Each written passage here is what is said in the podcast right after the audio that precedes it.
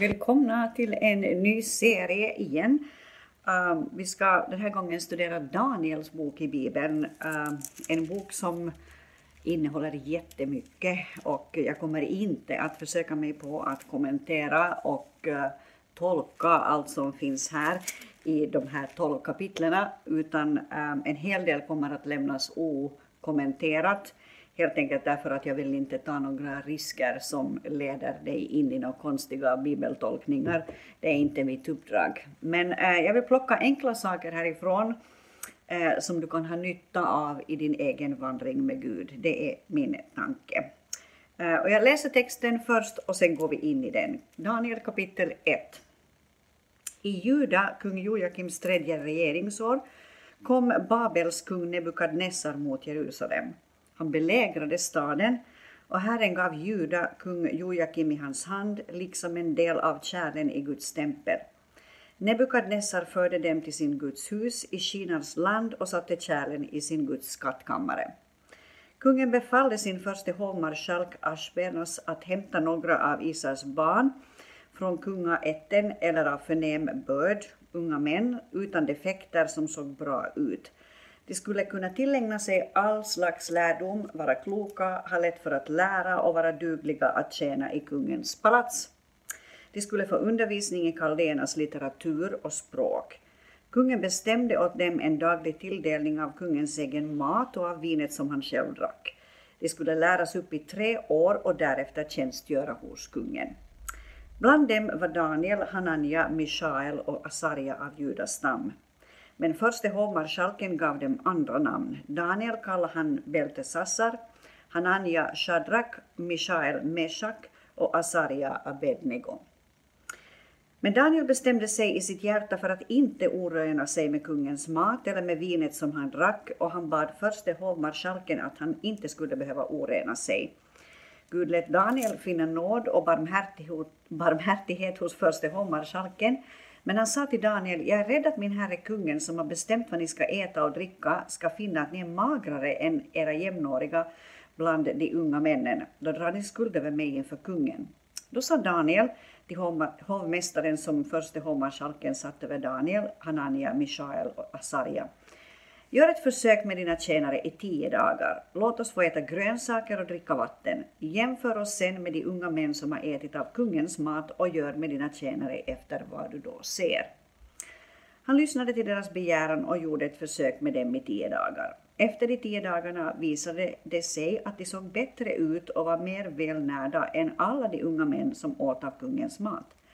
Då tog hovmästaren bort maten de skulle ha fått och vinet de skulle ha druckit och gav dem grönsaker istället. Åt dessa fyra unga män gav Gud kunskap och insikt i all slags skrift och vishet och Daniel förstod alla slags syner och drömmar. När tiden var inne då kungen bestämt att de skulle hämtas fördes de av förste hovmarskalken inför Nebukadnessar. Kungen talade med dem och det fanns ingen bland dem alla som kunde jämföras med Daniel Eh, Hanania, Mishael och Asaria. De fick därför tjänstgöra hos kungen. Han fann att det i allt som krävde vishet och förstånd var tio gånger klokare än alla de spåmän och besvärjare som fanns i hela hans rike. Och Daniel blev kvar där ända till kung Kores första regeringsår. All right. Så Daniel förs bort som ung pojke till Babel under den första deportationen 605 förlåt, före Kristus.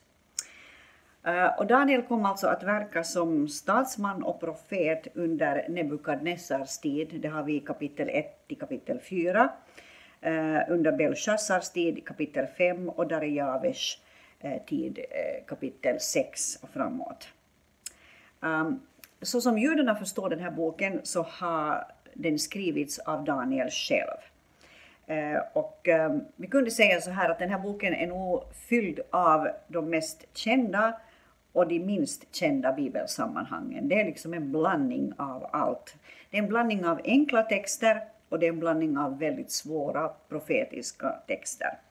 Vissa berättelser är lätta att förstå, sen finns andra kapitel som är bland de svåraste i hela bibeln, eh, säger vissa bibeltolkare. Språket är ovanligt och symbolerna och figurerna är märkliga. Eh, också när det gäller tolkning så är boken en blandning. Eh, mycket kan förklaras på ett, på ett mänskligt sätt. Ehm, till exempel det att Daniel var frisk och mådde bra av grönsaker.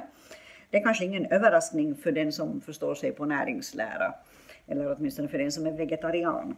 Ehm, men sen finns det verkligt andligt övernaturliga erfarenheter som upplevelsen som Daniel och hans vänner har i den brinnande ugnen, som vi kommer till så småningom. Uh, och det här ställer ju oss kanske frågan att, att är, är Bibeln liksom en mänsklig bok eller en gudomlig bok? Uh, på ett sätt kunde vi säga så här att Bibeln är en bok som är skriven av människor för människor. Och samtidigt finns det händelser som helt klart innehåller övernaturliga aspekter. Uh, det vill säga Bibeln är inspirerad av Gud definitivt och den handlar om Gud och det, är Guds, det handlar om Guds tilltal till oss människor. Ehm, och ehm, den här boken eh, kunde indelas i två delar. Eh, den första halvan, kapitel 1 till kapitel 6, som då är den betydligt enklare halvan, den handlar om mirakel eh, som, som Daniel och hans vänner får uppleva. Och den andra delen, kapitel 7 till kapitel 12, innehåller mest profetiska tilltal. Ehm, det finns också en skillnad gällande språket i de två delarna av den här boken. I den första delen av boken, eh, eller i den första delen av kapitel 1, så, så är, eh, är språket hebreiska. De nästa fem kapitlen är skrivna på arameiska, ehm, det vill säga det officiella eh, lingua franca, den tidens lingua franca. Ehm, I den andra delen är det första kapitlet, det vill säga kapitel 7, Eh, skrivet på arameiska och de övriga fem på hebreiska. Eh, och det verkar som om kapitlen kanske riktades mot olika läsare. Eh, de arameiska kapitlen tänktes för världen, alltså den här world audience, publiken i världen, och det på hebreiska för det judiska folket. Möjligen. Uh, bokens händelser sker i Babylon, en nation som då låg under Nebukadnessar. Nebukadnessar var en stolt och grym tyrann eh, som gillade att tortera sina offer, verkligen antikens Hitler kunde vi säga. Och Daniel kommer då med den här första deportationen till Babylon och han kom aldrig att återvända till sitt hemland. Eh, Daniel och hans vänner fick ju nya namn när de kom till, eh, till Babylon. Eh, det stod så här att Eh, den första hovmarskalken, vers 7, gav dem nya namn. Daniel kallade han för Beltesassar, Hanania för Shadrak, Mishael för Meshach och Asaria för Abednego. Eh, och eh, Daniel och hans vänner sa tydligen inte nej till de här nya namnen, även om de sa nej till den här dieten som de anförtroddes, eller som det var meningen att de skulle äta. Eh, de blev, för, de blev trogna Gud när det gällde den här maten eh, och dieten, men, men de lät sig ges de här nya namnen som då hade eh, en betydelse som kan härledas till avgudar i Babel. Avgudar Bel, Aku och Nebo. och de här gamla namnen som, som de hade, eller de här ursprungsnamnen som Daniel och hans vänner hade var Alltså Daniels namn betyder Gud är min domare. Eh, och eh, Hanania eh, betyder Herren är barmhärtig och Mishael betyder Vem är som Gud och Asaria betyder Herren hjälper. Så det var starka namn de hade från början. Och jag tänker så här att de namnen satt nog som berget i dem och, och, och det var nog liksom deras namn för dem själva i grunden och genom hela deras liv. Men de gjorde inget problem av det här att de fick nya namn när de kommer till Babel. Eh, men det var säkert inga namn som, som liksom levde i deras hjärtan på något sätt, utan det handlade om av, avgudna namn. Eh, och eh, det var då meningen att de skulle ändra sin diet när de kom dit. De skulle få mat i sig för att bli feta. Det var ett tecken på framgång på den tiden. Eh, men, eh, men Daniel och hans tre vänner ville nog inte provocera Gud gällande maten utan frågade alltså om de fick fortsätta sin judiska diet i tio dagar och testa hur det skulle gå. Det är också intressant att Daniel säger så här att, eh, att om, om dieten inte fungerar så gör med dina tjänare efter vad du då ser. Det här var i vers 13. Så Daniel hade liksom inte den approachen och det kan vi kanske lära oss någonting av. Han sa inte så här att jag kommer aldrig att äta någonting annat än det som är min judiska diet, utan han sa vi testar och ser hur det går. Och sen får ni avgöra i, i, i den här frågan. Och sen när de hade ätit av den här grönsaksdieten så visade det sig att, eh, att de var i mycket bättre skick än alla andra. Och, och, och det fanns liksom ingenting att, att klaga på vad gällde deras eh, sätt att fungera. Eh, sen står det att, att Gud gav dem kunskap och insikt i all slags skrift och vishet och Daniel förstod alla slags syner och drömmar. Och det här var ju eh, som jag sa redan när jag, när jag kommenterade Andra Korinthierbrevet och de två sista kapitlen där, att detta att Gud talar genom syner och drömmar, det är någonting som går genom hela Bibeln och det hittar vi också här hos Daniel. Gud talade genom syner och drömmar och Daniel förstod det som Gud ville ha sagt. Och eh, vi kommer att märka genom den här boken att eh, gång på gång så talar Gud till Daniel och Daniel får liksom förmedla vishet rakt från himlen till kungen och kungen blir imponerad över det som han får höra. Och det är helt klart någonting som inte Daniel kan hitta på själv utan det är någonting som kommer från Gud.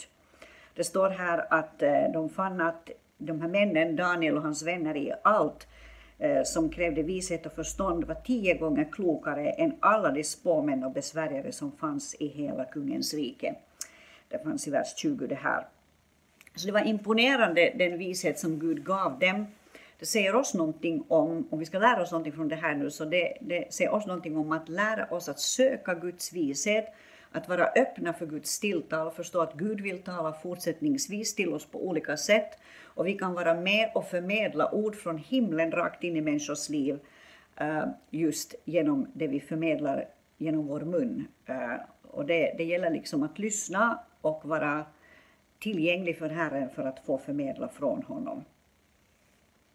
Um, och ähm, eh, um, ännu skulle jag vilja säga när det gäller det där med att, um, att Daniel valde, valde liksom att äta det som var i linje med hans judiska syn på, på vad som skulle ätas och vad som inte skulle ätas så skrev en eh, kommentar så här att if you can stand your ground over a little issue you're likely to stand over a big one. Alltså att om du kan hålla din karaktär eller liksom stå fast vid din karaktär när det gäller små saker så kommer du också antagligen att kunna göra det när det gäller större saker. Din karaktär formas i små beslut och det hjälper dig att stå i större utmaningar senare.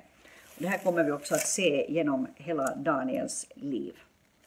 Så vad kan vi lära oss att, av Daniel? Vi kan lära oss någonting för det första av hans namn. Han heter Gud är min domare. Och eh, han lever med en gudsfruktan genom sitt liv. Hans namn får förmedla på något sätt något av den här gudsfruktan. Han eh, har tre vänner. Nu vet jag ju inte hur de liksom eh, ursprungligen hittade varandra. Liksom, de är alla deporterade, ja. Men av någon anledning så liksom börjar de fungera tillsammans, Daniel och hans tre vänner. Det säger någonting om hur viktigt det är att inte leka någon slags sån här ensamhetskristendom där, där vi liksom lever bara för oss själva och fattar våra egna beslut själva utan att vi eh, förstår att vi är givna in i en kropp, in i Kristi kropp. Vi behöver varandra.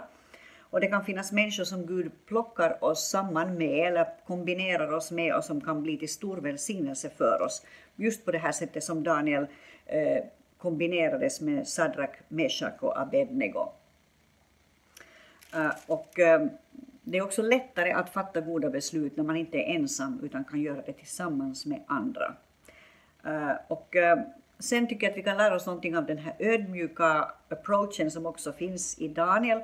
Här att han, han är liksom inte den som med våld ska få sin vilja igenom när det gäller maten utan han liksom låter Gud få agera i den här situationen och han, han är öppen för det som kommer att ske. Och eh, sen kan vi lära oss någonting om det här att Gud gav de här männen, de här fyra killarna, kunskap och insikt i all slags skrift och vishet.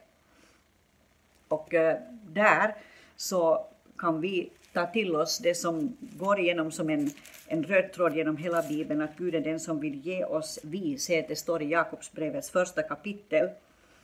Om någon av er brister i vishet ska han be till Gud som ger åt alla villigt och utan att kritisera och han ska få. Så om vi brister i vishet så ger Gud villigt och han gör det eh, alltid som en respons på att vi ber honom om det. I Ordspråksboken 2 så står det så här, min son, om du tar emot mina ord och bevarar mina bud inom dig, så att ditt öra lyssnar till visheten och du böjer ditt hjärta till klokheten, ja, om du ropar efter insikten och höjer din röst efter klokheten, om du söker den som silver och letar efter den som efter skatter, då ska du förstå vad det är att vörda Herren och finna kunskapen om Gud. För det är Herren som ger vishet. Observera, det är Herren som ger vishet. Från hans mun kommer kunskap och klokhet. Han har visa råd i förvar åt de ärliga. Han är en sköld för dem som lever hederligt. Han beskyddar de rätta stigar och bevarar de, de frommas väg. Då ska du förstå vad som är rättfärdigt, rättvist och rätt, det godas alla vägar. För vishet ska komma in i ditt hjärta och kunskap bli ljuvlig för din själ. Omdöme ska bevara dig och klokhet beskydda dig. Visheten ska rädda dig från det ondas väg, från dem som talar det som är förvridet. Så visheten från Gud kan vi söka, så som Daniel sökte den och var öppen för den. Och därmed har jag sagt vad jag ville säga om det här första kapitlet. Vi träffas om en vecka, då går vi in i kapitel 2. En välsignad tid till dig.